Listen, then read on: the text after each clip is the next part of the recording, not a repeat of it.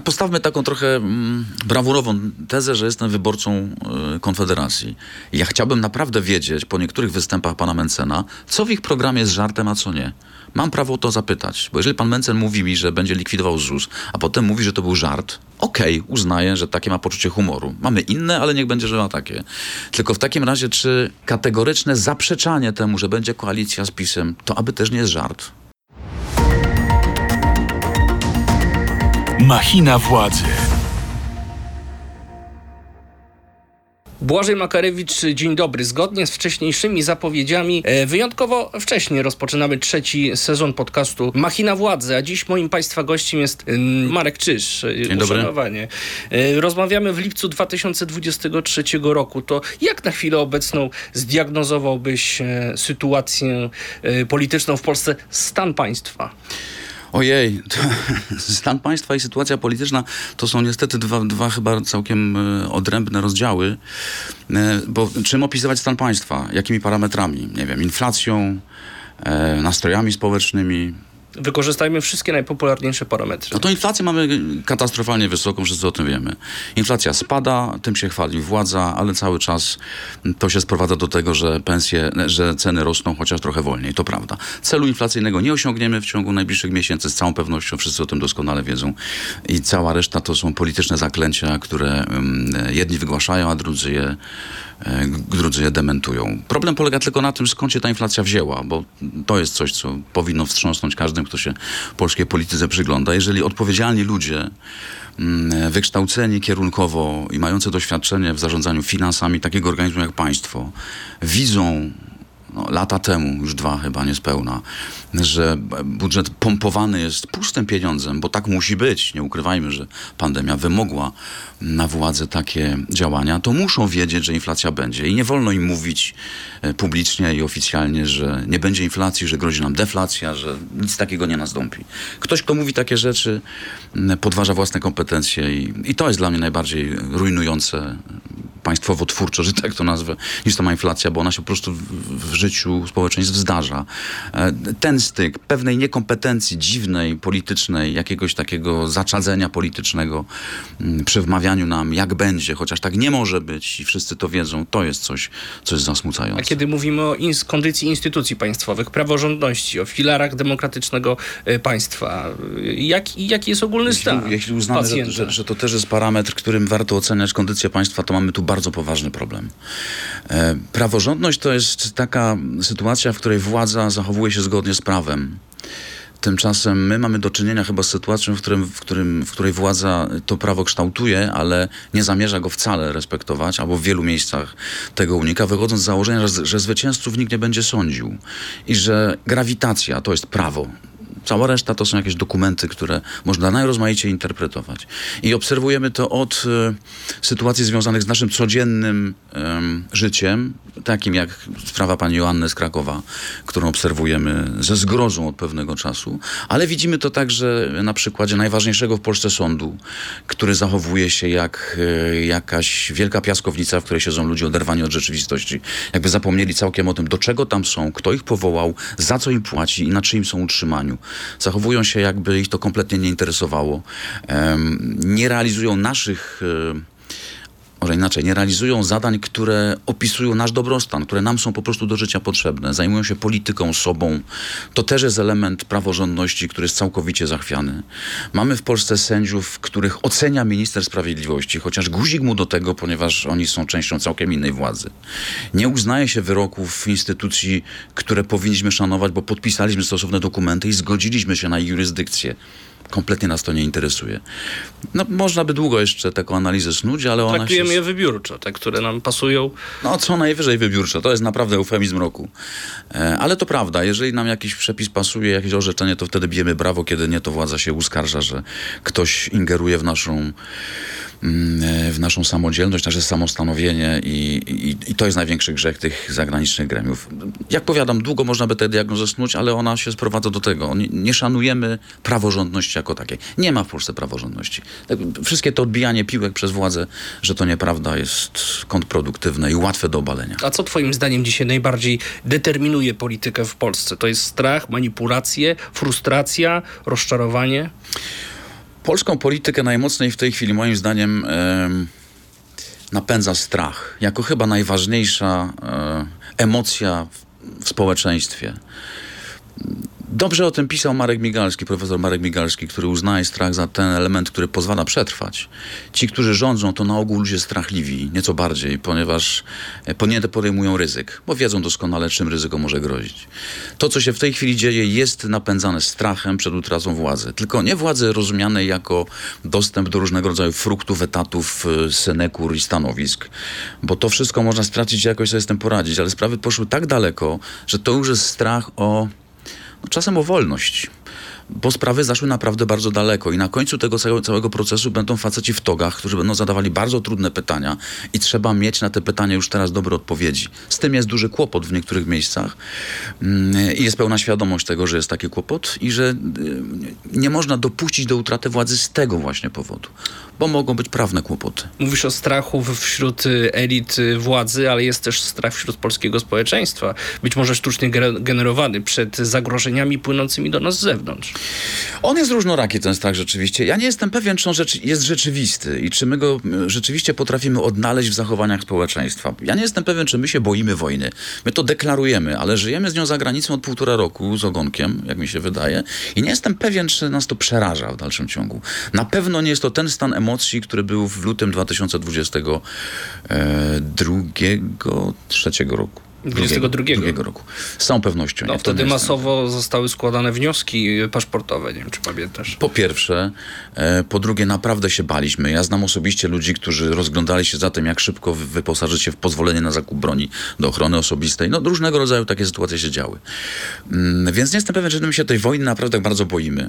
Nie wiem, czy się boimy e, biedy. Też to deklarujemy, ale ja, ty też.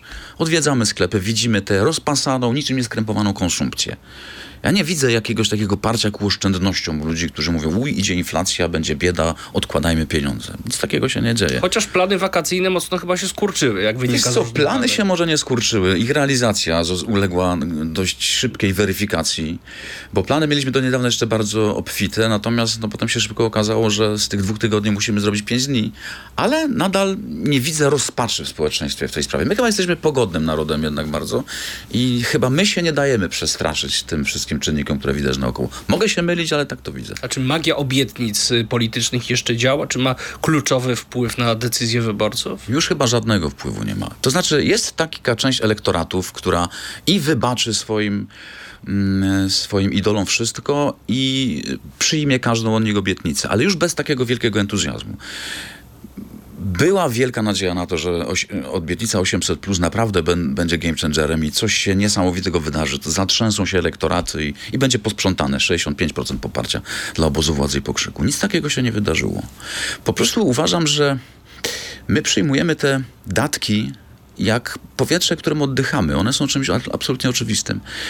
To jest bardzo smutna konstatacja, nawiasem mówiąc, ponieważ wszystkie partie polityczne, i to widać obserwując to, co nam obiecują, wszystkie partie polityczne zdały sobie sprawę z tego, że aby marzyć o władzy, nie da się tworzyć programu, który nie będzie nafaszerowany obietnicami socjalnymi. Już się tego nie da zrobić w ten No, sposób. Konfederacja oferuje taki Tak, program. Konfederacja oferuje taki, taki program, dlatego jest trzecią, a nie ani pierwszą, ani drugą y, w kolejce do władzy i nie ma szans na przejęcie władzy. To jest absolutnie oczywiste.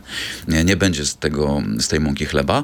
Tam być może jest inny plan strategiczny na to, żeby przetrwać następną kadencję, może pół tej kadencji, bo różnie może być, wyposażyć się w jeszcze większe poparcie i potem w następnych wyborach wejść na dwudziestu kilku procentach. Rozmowa będzie całkiem inna wtedy o potencjalnej koalicji. Ale nie, każda partia, która nie będzie obiecywała ludziom tego, że coś im da, nie ma najmniejszych szans na zwycięstwo w wyborach. To jest smutne, ale no, do tego nas przyzwyczajono. Myśmy też dość łapczywie się rzucili na takie frukta, bo to, to jest, no to się dobrze przyjmuje. No to o co będą te najbliższe wybory?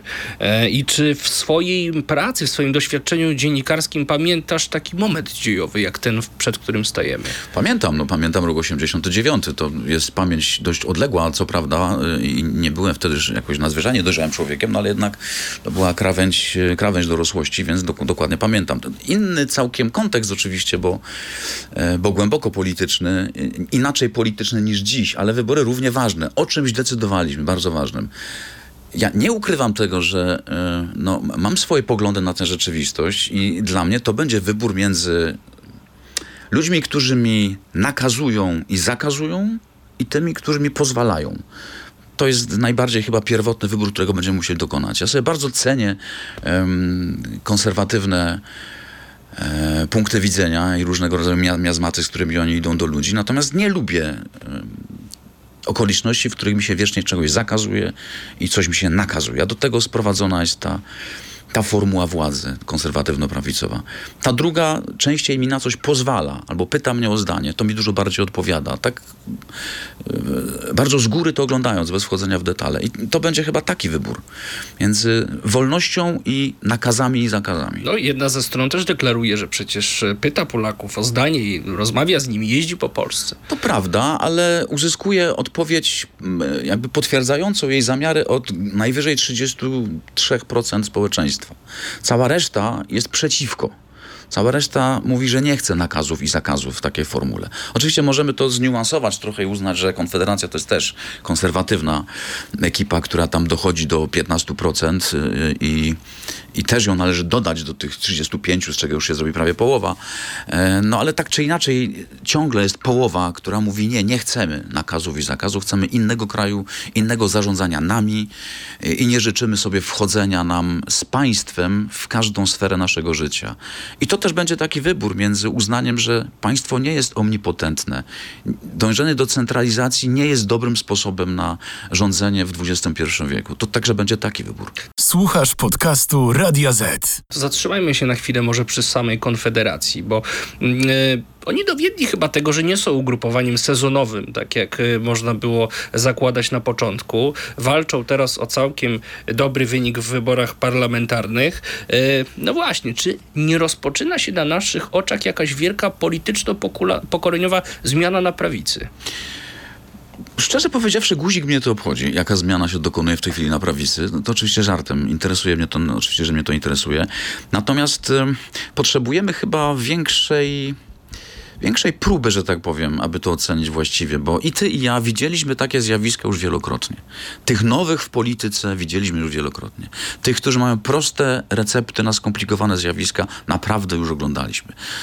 I Palikota, i Samoobronę, i Ryszarda Petru, e, i Pawła No Kukiza. tylko krótko ich historia trwała. No, dlatego przyglądam się Konfederacji z, z pewną uwagą, bo e, nie ma jeszcze wystarczająco czytelnych kwantyfikatorów tego, ile są warci.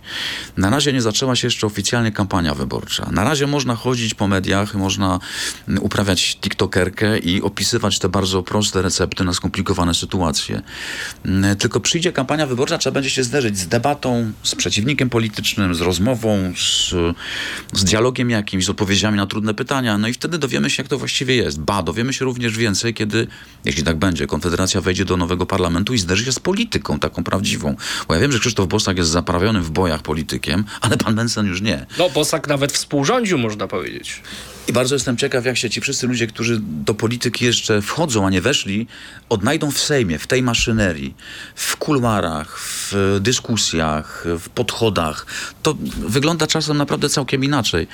Więc warto będzie temu się dokładnie przyglądać, czy te losy nie będą dokładnie takie jak Pawła Kukiza, jak, e, e, jak Palikota. No, wymieniliśmy te instytucje. Czyli twoim zdaniem e, nie jest tak, że osoby takie jak Sławomir Mencen, Krzysztof Bosak, Grzegorz Braun e, dowiodły dotychczas tego, że są gotowe, aby wziąć współodpowiedzialność za państwo? niczego nie dowiodły, bo em, gdybym był, no, postawmy taką trochę mm, brawurową tezę, że jestem wyborcą y, Konfederacji. Ja chciałbym naprawdę wiedzieć po niektórych występach pana Mencena, co w ich programie jest żartem, a co nie. Mam prawo o to zapytać, bo jeżeli pan Mencen mówi mi, że będzie likwidował ZUS, a potem mówi, że to był żart, Okej, uznaję, że takie ma poczucie humoru. Mamy inne, ale niech będzie, że ma takie. Tylko w takim razie, czy kategoryczne zaprzeczanie temu, że będzie koalicja z PiSem, to aby też nie jest żart. Może to też jest żart. Chciałbym wiedzieć, co w tym programie jest żartem, a co jest na serio, jako potencjalny wyborca Konfederacji. Niczego takiego na razie nie słyszę. Konf- wyborcy Konfederacji na razie zachłysnęli się prostymi receptami na skomplikowane procedury i, i kłopoty. I ja to rozumiem doskonale. Natomiast ciekaw jestem, czy chcieliby usłyszeć i dowiedzieć się, co w tym wszystkim jest żartem, a co nie. To jest też kwestia odpowiedzialności polityka, jego sprawności w działaniach. Na TikToku brzmi to dobrze, ale on musi brać na siebie odpowiedzialność za swoich wyborców. On musi musi wiedzieć, co im proponuje. Jeżeli mówi im, że mówi o czymś żartem, to to przestaje być poważne. Konfederacja obiecuje niskie i proste podatki. Platforma y, obiecuje w tej chwili już największą obniżkę podatków w historii. Czy nie jest tak, że schodzimy trochę z tego kursu Polska Solidarna Socjalna w kierunku Polski liberalnej, wolnorynkowej, że rozpoczyna się nowy trend w naszej polityce, w tej gospodarczej? A też nie jestem pewien, czy niskie podatki to nie jest e, taki czynnik, który jest trochę budującym państwo opiekuńcze, E, bo jednak zostawia więcej pieniędzy w naszych kieszeniach i stara się o te nasze kieszenie. Oczywiście po drugiej stronie będzie się mniej starał o nasz socjal, no bo z czegoś ten socjal Tony trzeba Blair pewnie by się zgodził. Najprawdopodobniej tak. Ja myślę, że większość Polaków, potencjalnych wyborców kogokolwiek, traktuje politykę jak mecz futbolowy. Grają nasi przeciwko tamtym. Ten mecz się kończy razem z końcem sezonu politycznego czy z wyborami i wracamy do codzienności. Przestajemy tym się emocjonować jakoś nadzwyczajnie. Dlatego nikt nie traktuje jakoś szczególnie poważnie programów politycznych. Zresztą nic z tym nadzwyczajnego. Do urn wyborczych nie chodzi się z programem, tylko z emocjami. Kto potrafi wzbudzić emocje, ten, ten wygra wybory. Mm, Dlatego jeżeli sp- spróbujemy naszym wyborcom tłumaczyć w zbyt skomplikowany sposób, jaką im chcemy zaproponować rzeczywistość gospodarczą, to nie przestaną chcieć to czytać. Dlaczego PiS wygrał wybory w 2015 roku? Ponieważ powiedziało nam, dostaniecie prosty przelew. Nie ma żadnych progów dochodowych. Nie, dostaniecie 500 zł. Koniec. Najprostsza konstrukcja z możliwych. Ktoś to zaproponuje Polakom, że zmniejszy ich podatki, bo zmniejszy progi, ale też y, przyjrzy się temu, ile oni zarabiają i każe im to analizować, myśleć, kombinować, nie uzyska żadnego efektu takim, e, takim elementem swojego programu.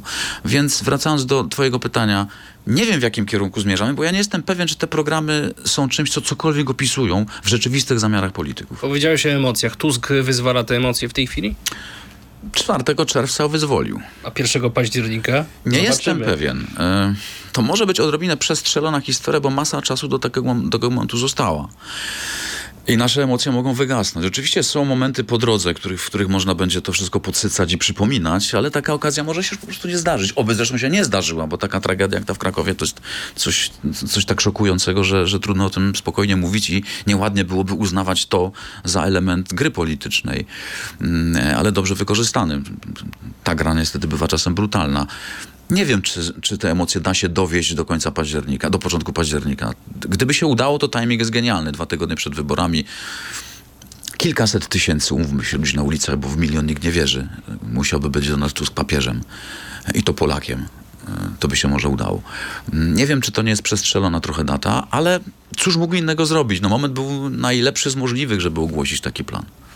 A są doświadczenia, które pokazują, że no, to środowisko da się, da się skrzyknąć w jednym miejscu. Niekoniecznie musi być do tego przepiękna pogoda, choćby się przydała pewnie ich zamiarom. W kontekście naszej rozmowy myślę, że zasadnym jest, abyśmy jeszcze o przyszłości mediów w Polsce porozmawiali. Czy w Wielką Polsce radością. da się zdławić media, niezależne media, tak jak to zrobił Viktor Orban do Nie da się. Nie Dlaczego? da się. E, dla, chyba dlatego, że po pierwsze jesteśmy w innym miejscu w Europie. E, Po drugie dlatego, że jesteśmy zbyt dużym państwem, aby cała reszta Europy się nie przejęła nami, tak jak się nie przejęła Węgrami. E, Po trzecie dlatego, że em, mamy chyba trochę inny charakter. E, Polacy są ludźmi, którzy zniosą, kiedy czegoś się im nie daje, ale nie zniosą, kiedy się im coś odbiera. Pokazaliśmy to wielokrotnie już. Chciano nam odebrać dostęp do normalnych mediów, okładając je jakimś zdzierskim podatkiem. Nic z tego nie wyszło. Władza musiała się cofnąć.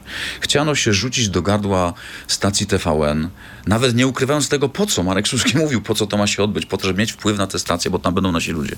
Nic z tego nie wyszło. Więc ja nie wierzę w to, że takie, takie, takie rzeczy by się wydarzyły. Poza tym ch- chyba solidarność tych naszych mediów y, jest na tyle duża, żeby to się nie mogło udać. Bo po tamtej stronie są tylko media narodowe, a to naprawdę trochę za mało. E, Nie wiem, jaki musiałby być tu użyty mechanizm. No, udało się przejąć e, lokalną prasę. Koncernowi pana Obajtka, ale to tylko dlatego, że ktoś chciał sprzedać. Nic nadzwyczajnego, miał z tym tylko kłopoty, więc chętnie przyjął takiego inwestora. Ale narzędzie, które zostało kupione w ten sposób jest całkowicie tępe i do niczego nie służy. A czy mając taki potężny instrument propagandowy w rękach, jak telewizja publiczna, czy możemy, w ogóle media publiczne, czy możemy mówić o jakimkol- jakiejkolwiek uczciwości procesów demokratycznych w Polsce? O, to jest dobre pytanie, ponieważ ja zawsze powtarzam, jeżeli ktoś chce mieć taką telewizję, znaczy, inaczej, słyszymy taką argumentację, wreszcie jest pluralizm i równowaga. Jest antyrządowy TVN i jest prorządowa telewizja polska. No tylko nie na tym rzecz polega. No, TVN jest prywatnym koncernem, telewizja polska jest finansowana z naszych pieniędzy. Jeżeli ktoś chce mieć taką przeciwwagę, jaką jest TVN, to niech ją sobie założy. Niech się skrzyknie finansowo, niech sobie panowie znajdą finansowanie na to i założą telewizję, która będzie takim gigantem jak TVN, e, który jest weryfikowany liczbą widzów. Jeżeli będą w stanie założyć telewizję o podobnej strukturze finansowania, ale o innym charakterze ideologicznym, która znajdzie takiego widza, tak licznego widza, to to będzie uczciwe. To, co się dzieje w tej chwili, skrajnie nieuczciwe, w sposób oczywisty, bandyckie i będzie musiało zostać kiedyś rozliczone, być może nawet prawnie. A twoim zdaniem da się w ogóle w Polsce stworzyć e, uczciwe, wolne od nacisków, profesjonalne media publiczne, czy to jest e, idea z góry skazana na porażkę? Wiesz co, są na świecie media publiczne, które w ten sposób działają, uczciwy i przyzwoity. Jestem przekonany, że to się da zrobić. Odrzućmy na bok mrzonkę o tym, że to będzie instytucja całkowicie odarta z wpływów polityków. To jest niemożliwe. To, to, być może BBC tak działa, ale powoływanie się na BBC to ciągle uparte powołanie się na BBC nie ma sensu żadnego. Nie będziemy żadną BBC nigdy i BBC jest jedna, jedyna. Mm, Wszystkie inne instytucje mają być może odarty z polityki charakter, ale nikt się nimi specjalnie nie przejmuje. Politycy muszą mieć swoje narzędzie. Pytanie tylko, jak tą równowagę zapewnić y, i jak spowodować, że ten wpływ nie będzie zbyt duży. Nie będzie sytuacji, w której menadżerowie tych mediów nie będą mieli odwagi powiedzieć nie, tego nie zrobię. Owszem, niech polityk przychodzi do mnie i ma do mnie jakieś prośby i sugestie, ale ja muszę mieć całkowicie bezkarne prawo powiedzenia mu spadaj, tam są drzwi. Proszę do mnie więcej nie przychodzić. Muszę mieć prawo rozważyć to, co polityk do mnie mówi, ale muszę mieć prawo od- odmówić bez żadnych konsekwencji. A jak to było w czasach, kiedy ty pracowałeś w telewizji publicznej? Czy były takie e, sytuacje, które mm, prowokowały u ciebie no, jakieś takie wewnętrzne wzburzenie? Wielokrotnie, ale myśmy o tym zawsze rozmawiali. Ja parokrotnie byłem na krawędzi usunięcia z telewizji polskiej za to, że zadałem jakieś pytanie albo zaprosiłem nie tego gościa, co trzeba. A tam się potem zawsze odbywała jakaś rozmowa. Ona była czasem burzliwa, ona była czasem kłótliwa, ale nigdy nikt nie dzwonił powiedzieć, proszę dzwonić Czyża i Czyża zwalniano natychmiast. To się nie wydarzyło. A naprawdę było pochyło w paru miejscach, bo zadałem kłopotliwe pytania bardzo ważnym ludziom władzy. Nie chcę wracać w te miejsca w tej chwili, bo, e, bo, bo tych ludzi przy nas nie ma w tej chwili, trudno byłoby to weryfikować, ale naprawdę tak było wielokrotnie. E, To są w ogóle nieporównywalne historie. Zresztą ja zawsze wspominam taką, e, taką oto opowieść. 10 kwietnia 2010 roku spada Tupolew pod Smoleńskiem. Ginie elita polskiej polityki. To jest trzeci rok rządów Platformy Obywatelskiej. Wiesz, to wysyłał moich kolegów dziennikarzy do Smoleńska na obsługę. Jacek Karnowski. To jest tak, jakby dziś szefem wiadomości był Tomasz Lis. To jest niemożliwe. To był trzeci rok rządów Platformy. Ba, w czwartym roku rządów Platformy wróciłem do telewizji polskiej z telewizji komercyjnej na Śląsku i moimi kolegami, których miałem na korytarzu byli Jacek Karnowski, Jan Pospieszalski. To byli moi koledzy z pracy. Koledzy, może sobie nie życzą takiego sformułowania, ale miałem ich na korytarzach tej samej telewizji w czwartym roku rządów Platformy. Czy my sobie to dziś wyobrażamy? No nie. Dlatego y, to jest najprostszy dowód na to, że sprawy zaszły naprawdę dużo dalej niż kiedykolwiek. Bardzo Ci dziękuję za rozmowę, Marku. To był podcast y, Machina Władzy w Radio Z. Ja zachęcam do subskrybowania kanału Radio Z na YouTube, do e, słuchania naszych rozmów w aplikacjach e, streamingowych, a na YouTube do komentowania naszej dyskusji i do łapek w górę. W kolejnym odcinku spotka się z Wami Mikołaj Pietraszewski. Dziękujemy, że byliście z Wami, z nami. Do zobaczenia. Machina władzy. Więcej podcastów na player radioz.pl.